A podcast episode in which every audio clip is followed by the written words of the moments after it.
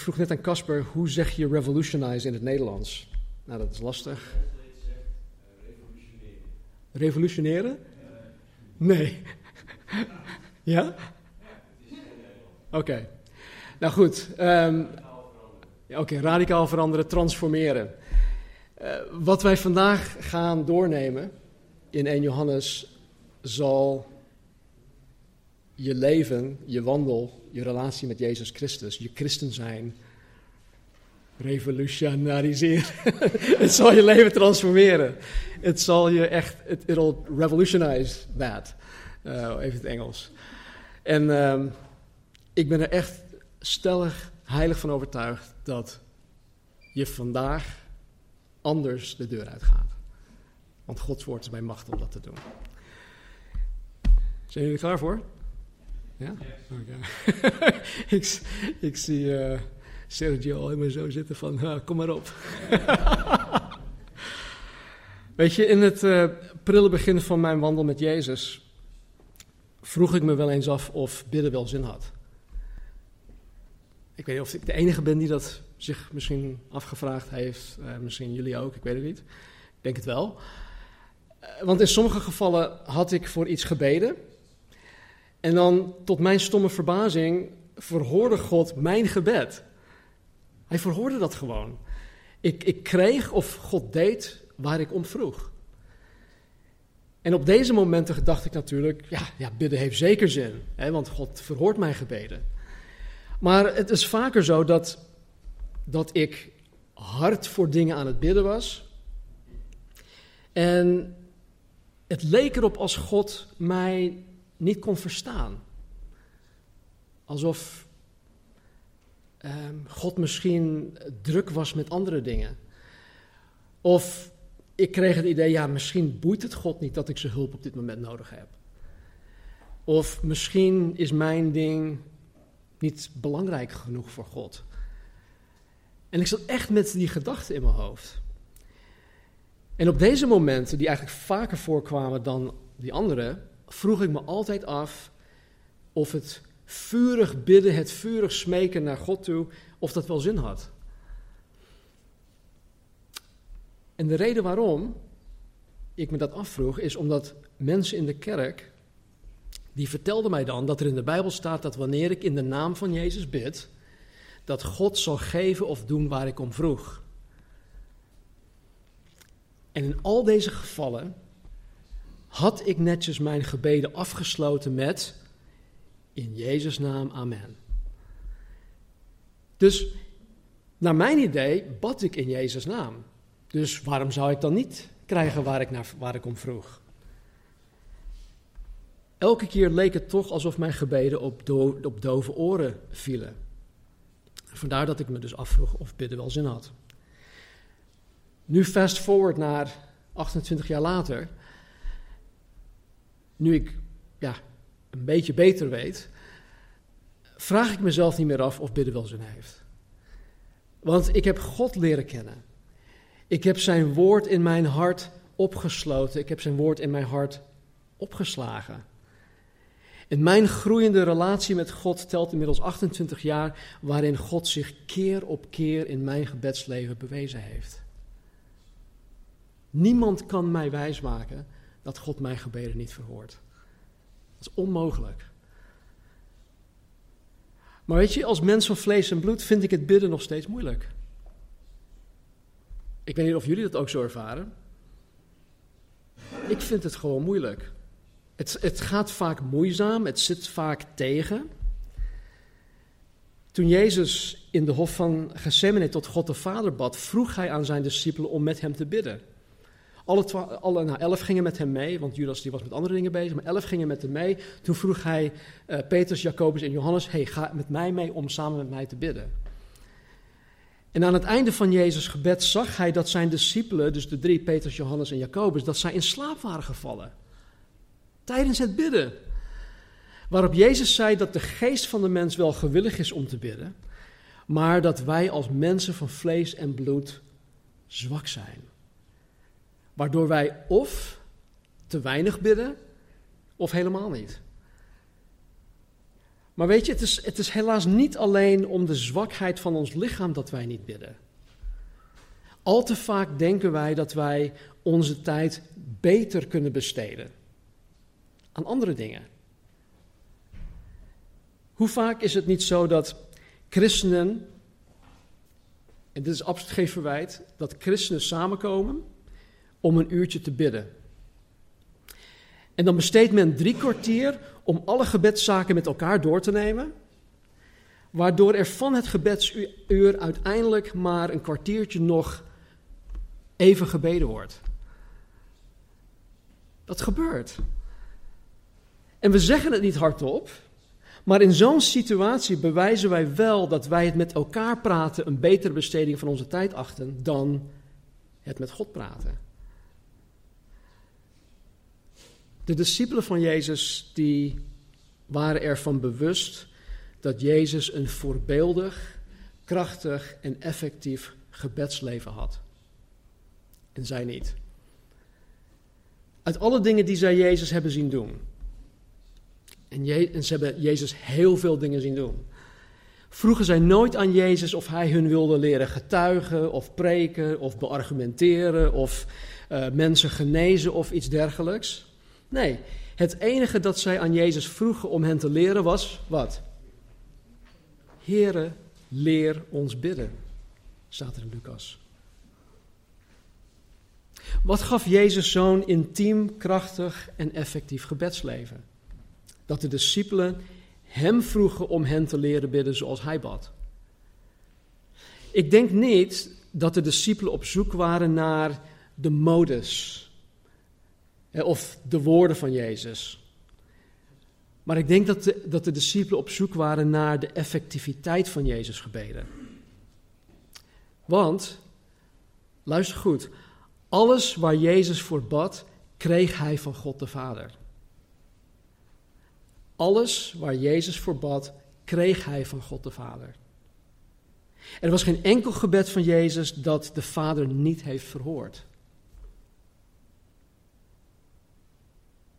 In Gethsemane zei hij, indien mogelijk laat deze beker aan mij voorbij gaan. Maar niet mijn wil geschieden, uw wil geschieden. Ook dat gebed is verhoord. Jezus wist voordat hij de hemel zelfs verliet dat dit al zou gebeuren. Dus ook dat gebed werd verhoord. Ik geloof dat de tekst dat we gaan behandelen ons zal laten zien waarom Jezus gebeden altijd door God de Vader verhoord werden. En weet je, zo wil ik ook leren bidden. Als ik mijn eigen gebedsleven onder de loep neem, dan schiet ik aan alle fronten tekort. Laten we onze Bijbels openslaan op 1 Johannes, hoofdstuk 5, vanaf vers 14. 5 vers 14. En ik moet mij verontschuldigen aan jullie. Ik moet jullie om vergeving vragen, want ik heb tegen jullie gelogen. In mijn berichtje van gisteren zei ik dat wij uh, eh, 1 Johannes hoofdstuk 5, of de brief, gingen afmaken vandaag. Maar dat gaan wij vandaag niet doen. Dus uh, vergeef me voor het liegen. Ik ga jullie niet om, uh, ik, ga, ja, ik ga me niet verontschuldigen hoe we het doen, want ik geloof echt dat God het zo heeft geleid. Maar uh, we gaan vandaag slechts twee versen behandelen en dan volgende week maken we het af. Maken we het echt af.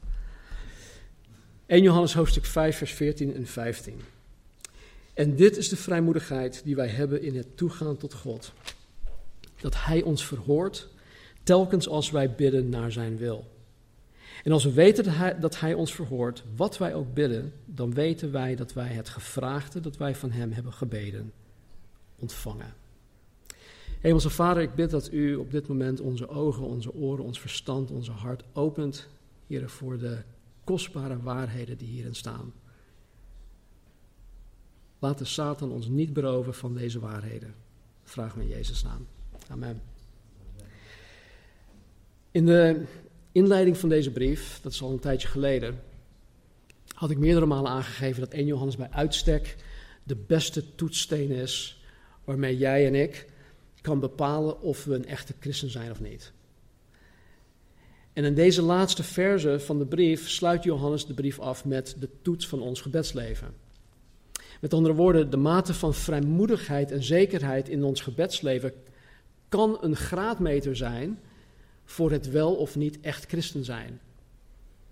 Begrijp alsjeblieft niet verkeerd. Ik zeg niet dat als je het gebedsleven van Jezus niet evenaart, dat je geen echte christen bent.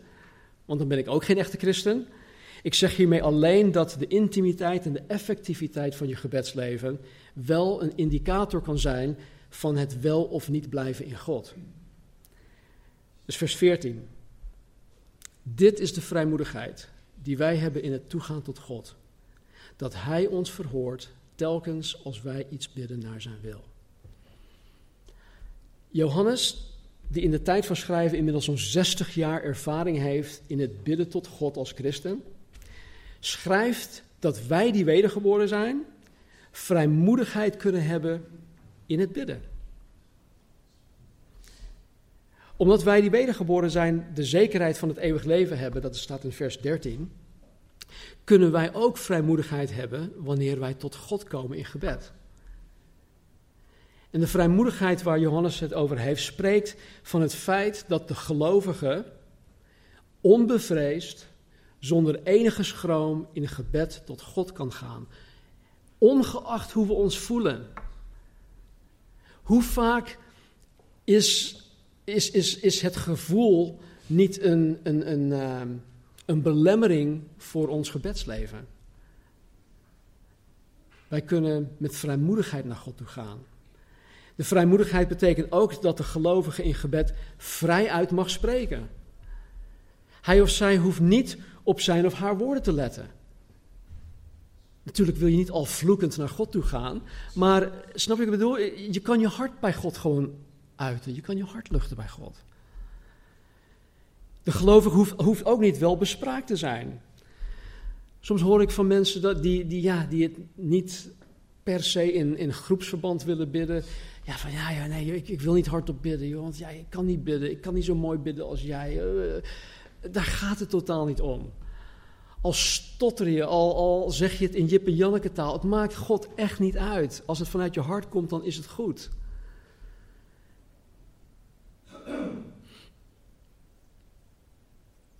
Je hoeft niet per se met mooie woorden te bidden. We mogen openhartig met God praten, zonder iets achter te houden of te verhullen. En deze vrijmoedigheid die wij krijgen, is niet van ons afhankelijk. Het is niet zo dat ik alles in mijn leven op orde moet hebben. Het is niet zo dat ik zo heilig en rein ben, waardoor ik met vrijmoedigheid naar God toe ga, naar God toe kan gaan. dat ik zo goed ben, daarom heb ik vrijmoedigheid. Want als het daarvan afhing, dan zou ik bijna nooit in gebed naar God toe gaan. Jullie weten donders goed dat wanneer je je schuldig voelt, je totaal niet vrijmoedig bent in het praten met God. Deze vrijmoedigheid kan dus niet van mij of van ons afhangen. Het is alleen op basis van het gevloeide bloed van Jezus aan het kruis dat de gelovige vrije toegang heeft tot de troon van God. En dan maakt het niet uit of je een goede dag hebt gehad of dat je echt een, een zootje van je dag hebt gemaakt. Als gelovige heb je altijd die vrijmoedigheid. En die vrijmoedigheid zit vooral ook in het feit dat God ons verhoort. Telkens als wij iets bidden naar zijn wil. Als kind, ik was heel, ik was best wel slim als kind. En als kind wist ik heel goed wat ik wel en niet aan mijn vader kon vragen. Mijn vader die was echt een, ja, hij was de baas. Ik kon dingen aan mijn moeder vragen. Dan zei ze altijd, ja, maar vraag het ook aan je vader. Oké, waarom vraag ik het dan aan u? Nee, maar goed, mijn vader was gewoon, hij, ja, hij, zijn uitspraak was doorslaggevend. En ik wist heel goed wat ik wel en niet aan mijn vader kon vragen. Als ik van tevoren wist dat wat ik van mijn vader wilde krijgen binnen zijn mogelijkheden, binnen zijn budget, binnen zijn stemming, binnen zijn opvoedingsbeleid, zijn moraal enzovoort paste. Als het allemaal binnen dat paste, dan was ik altijd vrijmoedig in het toegaan naar mijn vader met deze vragen. En niet alleen dat, ik wist zeker dat als het binnen al zijn norm en waarde en budget paste, dat ik het op een of andere manier van hem zou krijgen. Al moest ik daar een jaar zakgeld voor opgeven. En want zo onderhandelde ik dan met mijn vader. Daarentegen, als ik bij voorbaat wist dat wat ik van mijn vader wilde hebben niet bij hem door de beugel kon, al was het maar zijn toestemming, dan zou ik niet eens naar hem toe gaan om het aan hem te vragen. Dat had gewoon geen zin. Ik had die vrijmoedigheid niet. Dus enerzijds, als ik van tevoren wist dat ik het zou krijgen, had ik vrijmoedigheid in het vragen. En anderzijds, als ik van tevoren wist dat ik het eigenlijk niet eens hoef te vragen, dan deed ik het ook niet. Nou, dit menselijk voorbeeld van vader en kind is een beetje te vergelijken met de vrijmoedigheid dat de gelovige kan hebben in het vragen van dingen aan God. Als je van tevoren al weet dat je iets aan God gaat vragen dat conform zijn wil is, dan weet je bij voorbaat al dat je het van God zal krijgen. En dat geeft je niet alleen vrijmoedigheid in het vragen, het motiveert je juist om het aan God te vragen. Toch? En dit is de vrijmoedigheid die wij hebben in het toegaan tot God, dat Hij ons verhoort telkens als wij iets bidden naar Zijn wil. De schrijver van de Hebreeënbrief zegt in 4:16: Laten wij dan met vrijmoedigheid naderen tot de troon van de genade, opdat wij barmhartigheid verkrijgen en genade vinden om geholpen te worden op het juiste tijdstip. Laten wij met vrijmoedigheid naderen tot de troon van de genade. Vers 15. En als wij weten dat Hij ons verhoort, wat wij ook bidden, dan weten wij dat wij het gevraagde dat wij van Hem hebben gebeden ontvangen. Ik weet niet hoe dit bij jullie overkomt, maar bij mij klinkt dit gewoon te goed om waar te zijn. Dit klinkt gewoon te goed om waar te zijn. Ik geloof dit bijna niet. Het klinkt alsof God mij als gelovige carte blanche geeft. In het Engels heet dat, he's giving you a blank check. In de States gebruiken ze tegenwoordig in het banksysteem nog steeds checks. En het is alsof ik een cheque van God krijg, die reeds ondertekend is. En ik heb zo'n stapel van die checks en ik kan ze gewoon invullen naar wat ik wil. Dat klinkt toch gewoon te goed om waar te zijn. En de vraag is, ervaar jij dit dan ook zo? Ontvang jij alles dat je aan God in gebed vraagt?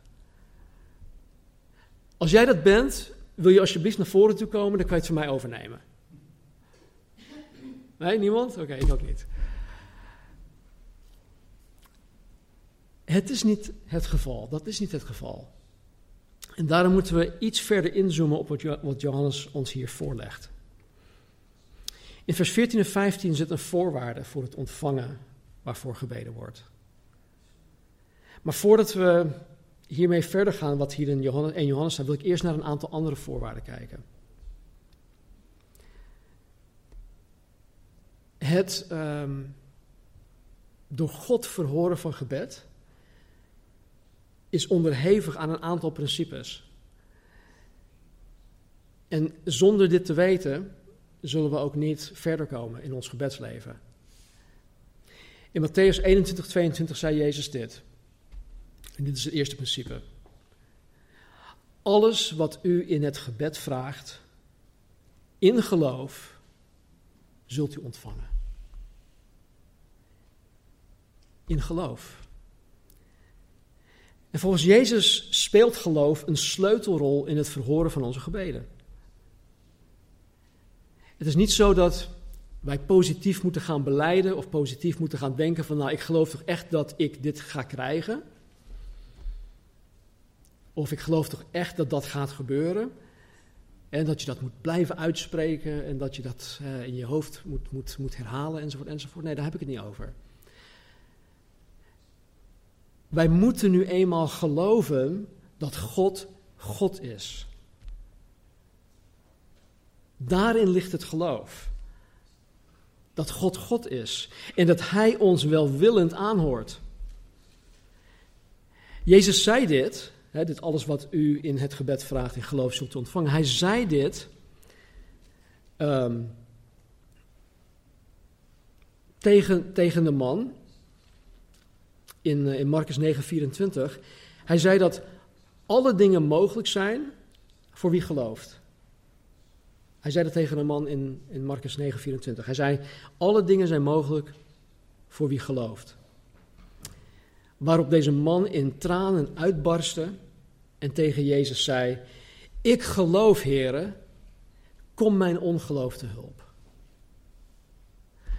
Wij hebben Gods hulp hierin nodig. We hebben Gods hulp echt nodig. Het is niet zo dat er, er superchristenen onder ons zijn, die zoveel geloof hebben dat alle gebeden verhoord worden door die personen. Geloof speelt wel een sleutelrol, maar het is wel iets dat God ons, waar, waar God ons mee helpt. In Hebreeën 11, vers 6 staat dit. Zonder geloof is het onmogelijk God te behagen. Zonder geloof is het onmogelijk God te behagen. Want wie tot God komt, moet geloven dat Hij is en dat Hij beloont wie Hem zoeken.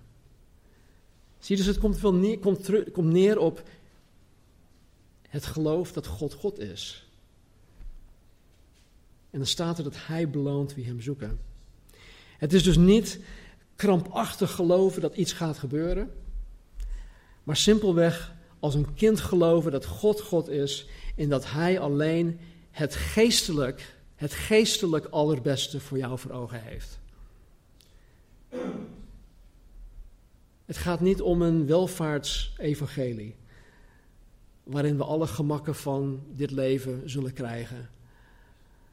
Waarin beloofd wordt dat wij niet ziek worden, of dat alle, al onze ziekte genezen gaat worden, of hoe dan, noem maar op, wat er tegenwoordig rondgaat. Nee, God is geïnteresseerd in ons geestelijk welzijn. Natuurlijk is Hij ook geïnteresseerd in ons leven hier op aarde. En we zien ook keer op keer hoe begaan Hij is met ons in zelfs de kleinste dingen in ons leven.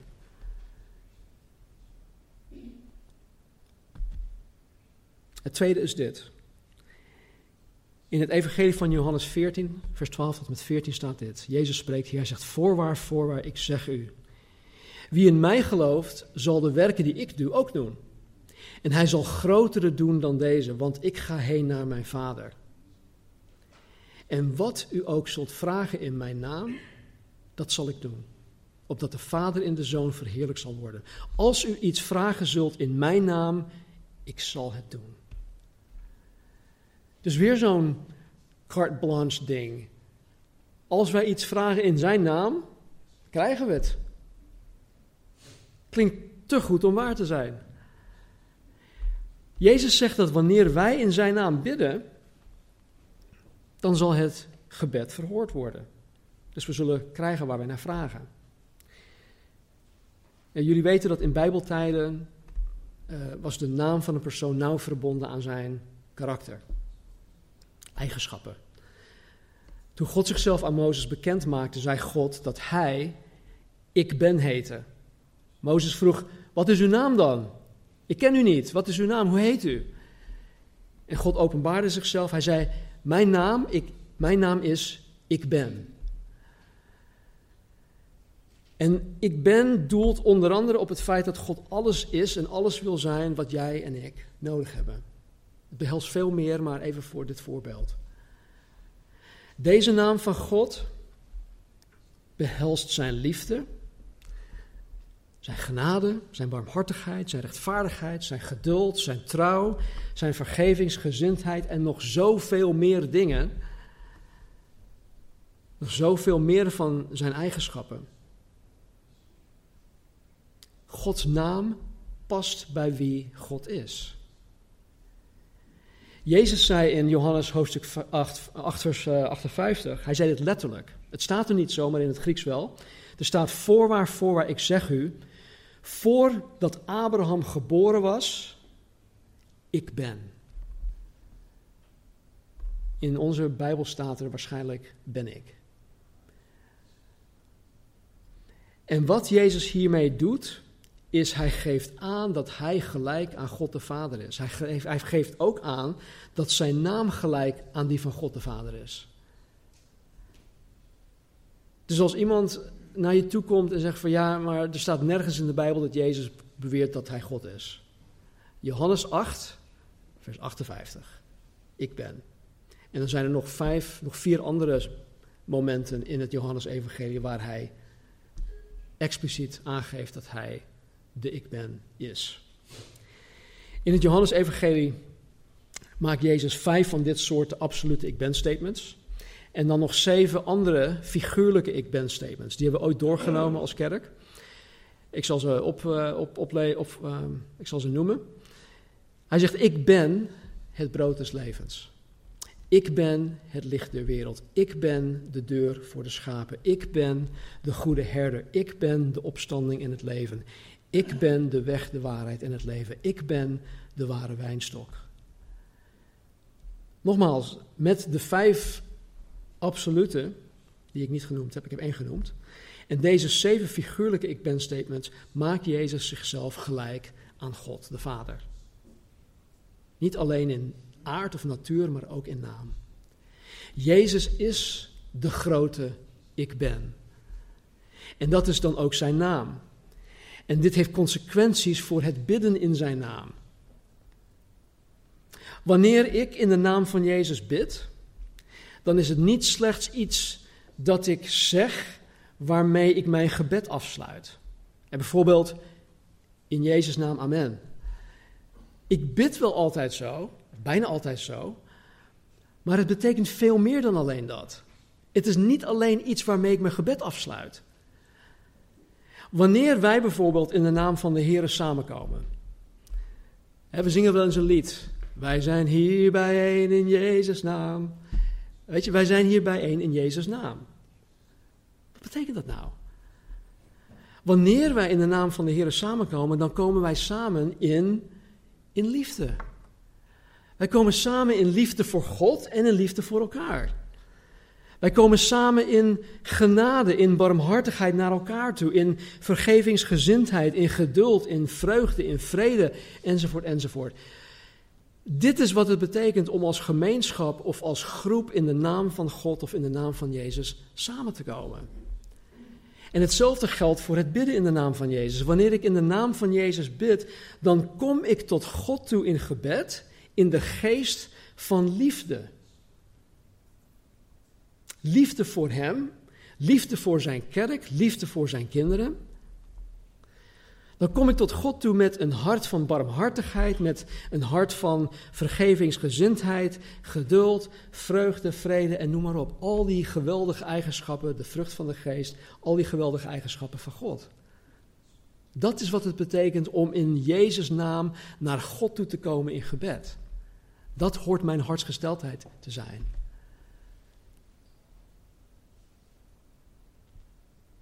Kortom, mijn hartgesteldheid hoort hetzelfde zijn als die van Jezus. En een goede manier om dit te toetsen is door jezelf af te vragen of Jezus dat gebed ook zou bidden. Een hele tijd geleden was er een hele, uh, hoe zeg je dat, rage? Ravage? Nee, nee niet ravage. Uh, ja, rage van What Would Jesus Do met die bandjes.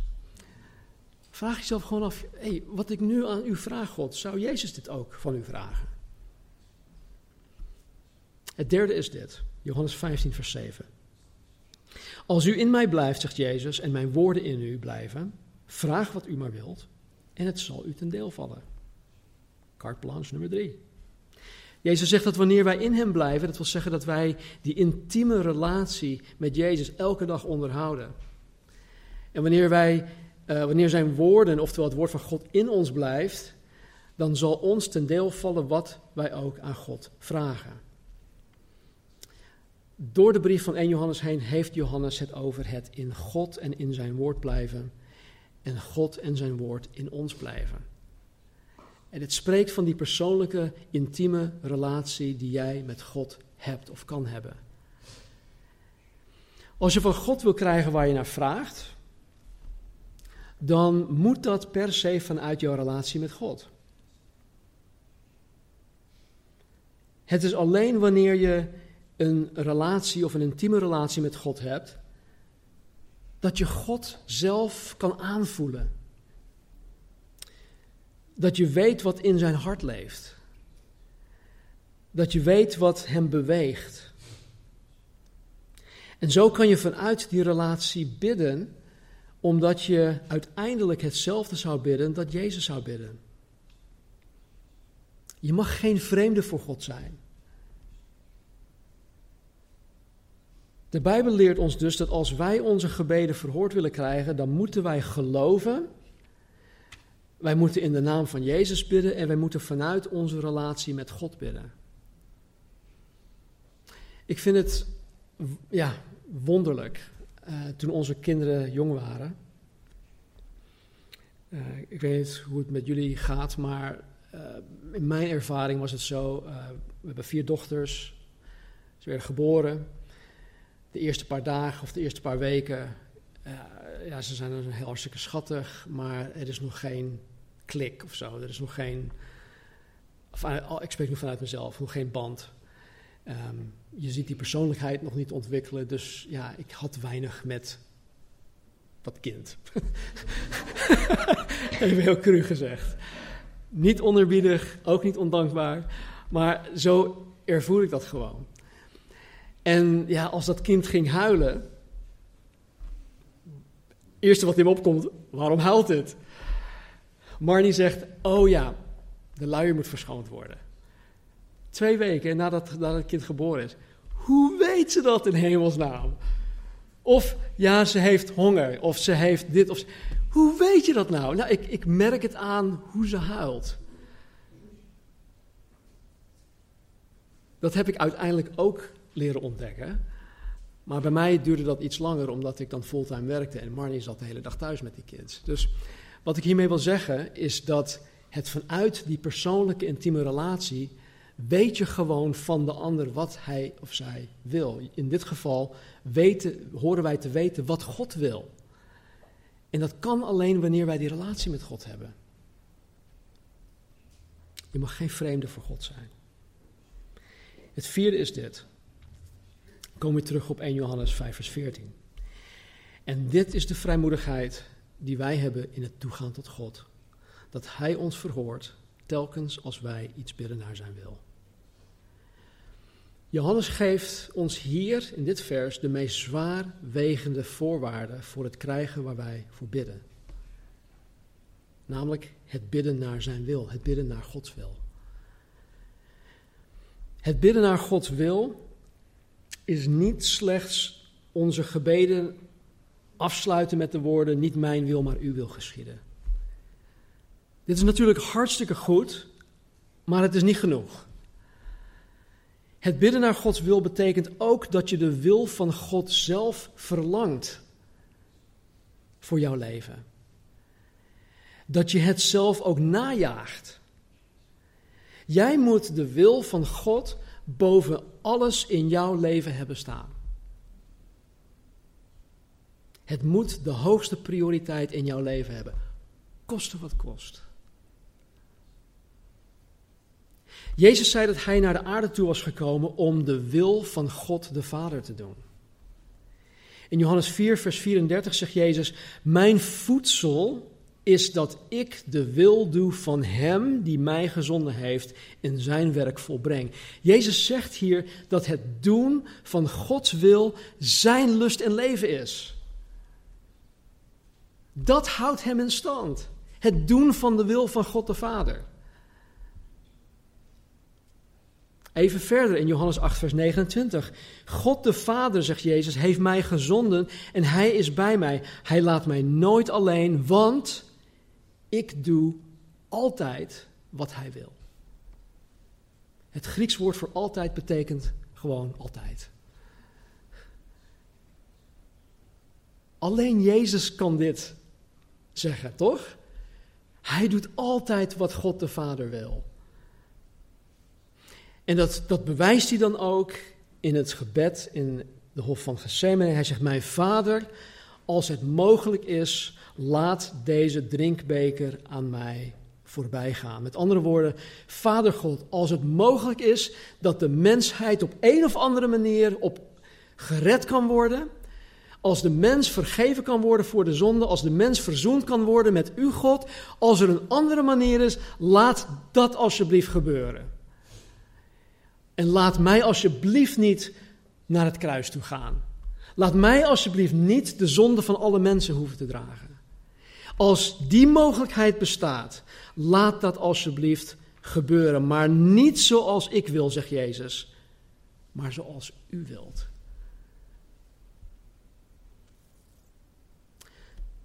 Jezus, die ook 100% mens van vlees en bloed was, had zijn eigen wil. Hij had zijn eigen wil. Ik weet niet of je daar ooit bij stil hebt gestaan. Maar hij koos er bewust voor om in alles zijn wil, zijn menselijke wil, te schikken aan de wil van God de Vader. Het bidden naar de wil van God gaat dus veel verder en veel dieper dan alleen de woorden: niet mijn wil, maar uw wil geschieden te uiten.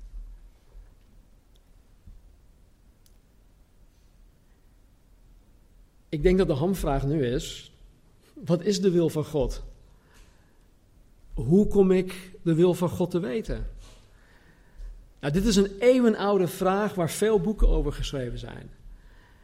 En ik ga er vanmorgen niet al te diep op in, want dit onderwerp behoeft een hele preekserie. Misschien wel meer. Dus hoe kom ik het te weten? Is het überhaupt mogelijk dat ik de wil van God kan weten? Nou, Colossense 1 vers 9 verklaart dat het mogelijk is dat de gelovige vervuld kan worden met de kennis van de wil van God. Het is mogelijk dat de gelovige vervuld kan worden met de kennis van de wil van God. Paulus bidt daarvoor. Het staat in de Bijbel. Het is dus haalbaar. Anders zou dat gebed niet in de Bijbel staan. Ten tweede, hoe simpel dit misschien ook klinkt, de wil van God is te ontdekken in het woord van God, de Bijbel. Gods wil is te ontdekken in zijn woord, in de Bijbel. En weet je, soms is het zo dat je op zoek bent naar de wil van God. En zoals me, mevrouw Marnie dat soms ook doet, ben ik echt jaloers uh, op. Dan slaat ze de Bijbel open op een willekeurige plek en voilà, God geeft je een, een expliciet antwoord uit de schrift. Dat is mijn wil voor jou op dit moment in deze situatie. Dat komt haar vaker voor dan dat het mij voorkomt. Vandaar dat ik jaloers ben. Vaker is het zo dat als je jezelf ertoe aanzet om het lezen en het bestuderen van de Bijbel je dagelijkse kost te maken, het woord van God gestalte in jouw hart, denken en leven zal krijgen, waardoor je Gods wil vanuit de schatkamer van je hart kan leren onderscheiden. Het is een proces. Je moet het tot je nemen, het moet in je gestalte krijgen, het moet in je leven, het moet je denken doordringen. Zeg ik dat goed? En Jezus geeft niet voor niets aan het voorbeeld van de wijnstok en de ranken. Wij kunnen geen vrucht dragen tenzij wij in, tenzij wij in die wijnstok blijven. Wij kunnen de wil van God ook niet onderscheiden tenzij wij Gods woord in ons krijgen. En op die manier in Hem blijven. Het te weten komen van de wil van God is onlosmakelijk verbonden aan het kennen van Gods woord, de Bijbel. Knoop dat echt in je oren. Zonder Gods woord te kennen kom je niet tot kennis van zijn wil. Dat klinkt misschien heel hard, maar Ik meen dit met heel mijn hart. Zonder Gods woord te kennen kom je niet tot kennis van zijn wil. Ten derde. Terwijl je bidt en je je eigen wil aan de Here overgeeft, zal de Heilige Geest jou leiden naar de wil van God. Volgens Romeinen 8, vers 27 pleit de Heilige Geest naar de wil van God voor gelovigen in gebed. En dit is moeilijk te vatten. Maar blijkbaar, wanneer wij in alle oprechtheid naar de wil van God willen bidden, dan is de Heilige Geest daarbij betrokken. Hij pleit ook voor ons naar God toe. De Heilige Geest pleit tot God de Vader voor ons terwijl wij aan het bidden zijn. En tegelijkertijd, wanneer wij in oprechtheid naar Gods wil aan het bidden zijn, spreekt de Heilige Geest ook tot ons hart. De Heilige Geest brengt een Bijbeltekst in je gedachten op. Hij herinnert je aan een belofte van God dat in de Bijbel staat. Hij bemoedigt je door de waarheid van het woord van God in je hart te bevestigen. Hij leidt jou. Hij laat jou Gods wil en weg zien in de situatie waarvoor je bidt. Gebed is dus niet eenrichtingsverkeer naar God toe. Het is ook luisteren naar de stem van de Heilige Geest in hoe Hij jou wil leiden naar de wil van God. Nogmaals, het is dus echt mogelijk voor elke gelovige om vervuld te zijn met de kennis van de wil van God. God zorgt daarvoor. Trouwens, een goed boek over de, de wil van God heet Niet mijn wil. En dan als subtitel De zaligheid van een leven in de wil van God. Het is door Andrew Murray, een Zuid-Afrikaanse predikant uit de 19e eeuw. Ik heb vanmorgen nog even gekeken. Het is online nog te vinden. Ik denk dat het iets van 4 of 5 euro kost. Maar het is een, uh, een dagelijkse overdenking. Er staan 31 hoofdstukken in. En uh, het zijn korte, korte dingen, makkelijk lezen, maar zo, zo rijk aan dingen die, met, die, uh, uh, die Gods wil betreffen. Dus niet mijn wil bij Andrew Murray. Maar goed, het is één ding. Oeps, sorry. Het is één ding om de wil van God te kennen. Het is heel wat anders om die wil van God ook te doen. Ik geloof dat als wij 10% van wat wij kennen ook doen, dat dat ons geestelijk leven zal ja, revolutionariseren. Wij hebben zoveel meer kennis dan dat we iets er met die kennis doen. Het is dus één ding om die wil van God te kennen. Het is wat anders om die wil van God ook te doen. God wil niet alleen dat wij vervuld zijn met de kennis van zijn wil. God wil dat wij daders van zijn wil zijn, zoals Jezus dat ook was. Jezus is ons grootste voorbeeld. We horen hem na te volgen. Dus mijn vraag aan jou is: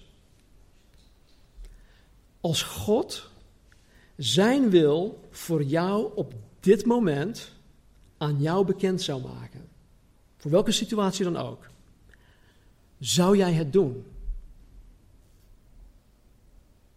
Als God zijn wil voor jouw leven in deze situatie waar je je nu in bevindt, als Hij zijn wil op een A4'tje zou zetten van dit is mijn wil voor jou, als Hij dat aan jou op dit moment zou openbaren, zou jij het ook doen?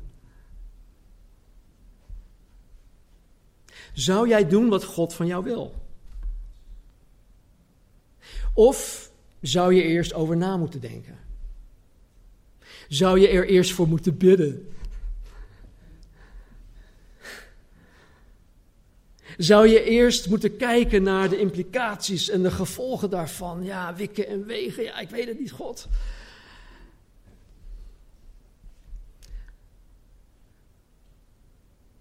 De wil van God voor jou en voor mij komt niet in de vorm van een buffet. En waarin God allerlei verschillende dingen aanbiedt en dat wij mogen kiezen naar waar wij op dat moment trek in hebben.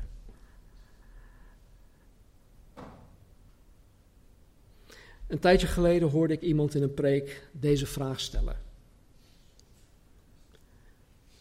Hoe benader jij God en hoe benader jij de Bijbel? Als jij daadwerkelijk gelooft dat God God is, ben je ertoe bereid om koste wat kost te doen wat er in de Bijbel staat? Zou je ertoe bereid zijn, zonder dat je nu weet wat erin staat, om het te doen? Zo ja, cool, zei hij. Zo nee, waarom zou je de Bijbel überhaupt openslaan?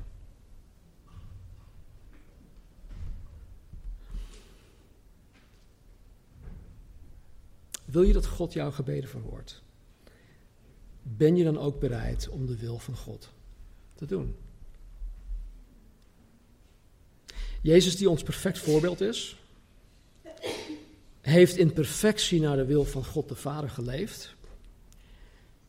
Hij heeft het doen van de wil van God zijn lust en zijn leven gemaakt. En hij heeft de wil van God altijd in gebed gezocht, terwijl hij hier als mens van vlees en bloed op aarde was. En daarom heeft God de Vader elk gebed van Jezus verhoord. En als jij en ik een dergelijk gebedsleven wil hebben, waarin wij met vrijmoedigheid naar God in gebed toe kunnen gaan, waarin wij met alle zekerheid weten dat God onze gebeden zal verhoren, moeten wij. Dit is echt een moedje, dit is echt een moedje. Moeten wij naar zijn wil bidden? Een zekere J.C. Ryle of John Charles Ryle, nog een predikant uit de 19e eeuw, hij schreef dit. Bid jij? Bid jij? Het is één ding om je gebeden op te zeggen, of hardop te zeggen, maar bid jij? Snap je wat ik bedoelt? Het is één ding om je gebeden te zeggen, maar bid jij?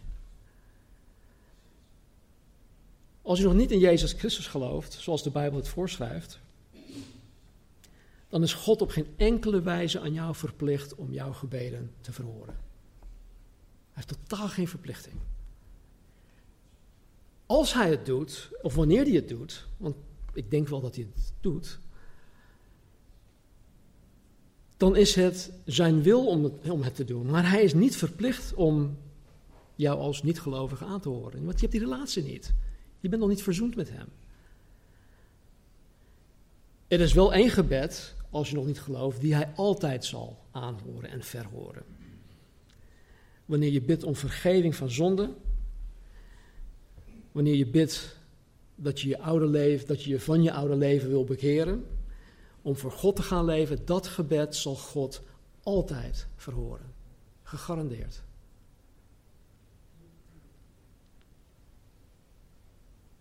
Tot slot dit. Wil jij dat God jouw gebeden verhoort? Laten we zeggen ja. Ik wil dat.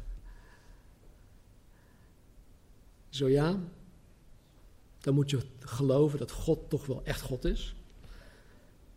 Dan moet je in de naam van Jezus bidden. Dan moet je vanuit je persoonlijke relatie met je hemelse Vader bidden. En dan moet je naar Gods wil bidden en naar Gods wil leven. Laten we bidden. Hemelse Vader, dank u wel dat u ons zo ontzettend lief heeft. Dat u ons niet in het ongewisse wil laten. Maar dat u door de woorden van Jezus, de woorden van Johannes die u geïnspireerd hebt, hierin wil instrueren hoe wij effectief kunnen bidden zodat we ook krijgen waar wij voor bidden.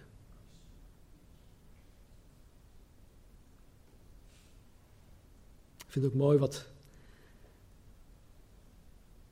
de psalmist ook zegt in Psalm 37, 4.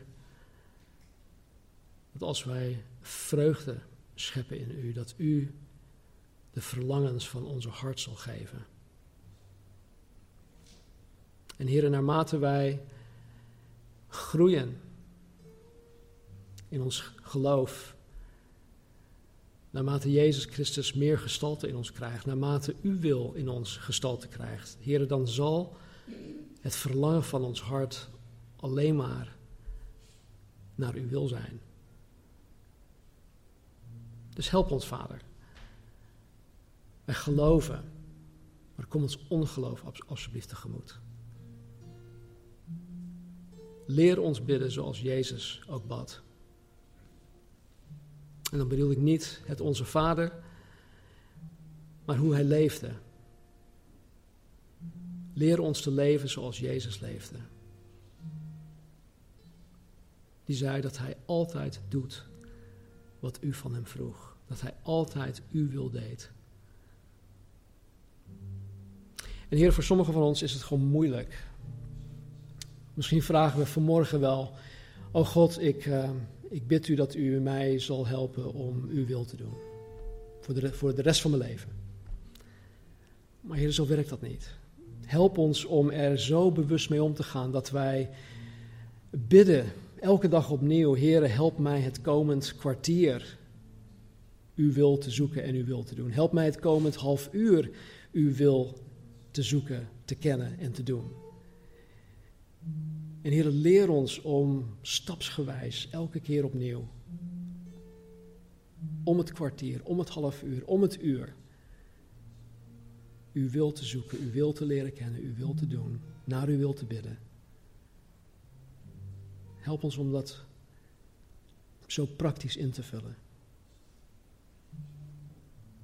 Dank u wel voor uw liefde. Dank u wel voor uw trouw. Dank u wel dat u ons vanmorgen niet berispt en dat u ons geen schuldgevoelens wil opleggen. Maar dat u vanmorgen ook met open armen ieder van ons wil ontvangen. Heer, we houden van u, omdat u eerst van ons hebt gehouden. En we willen ons leven, Heer, vanmorgen misschien opnieuw aan u toewijden. Dank u wel. Vraag van Jezus naam.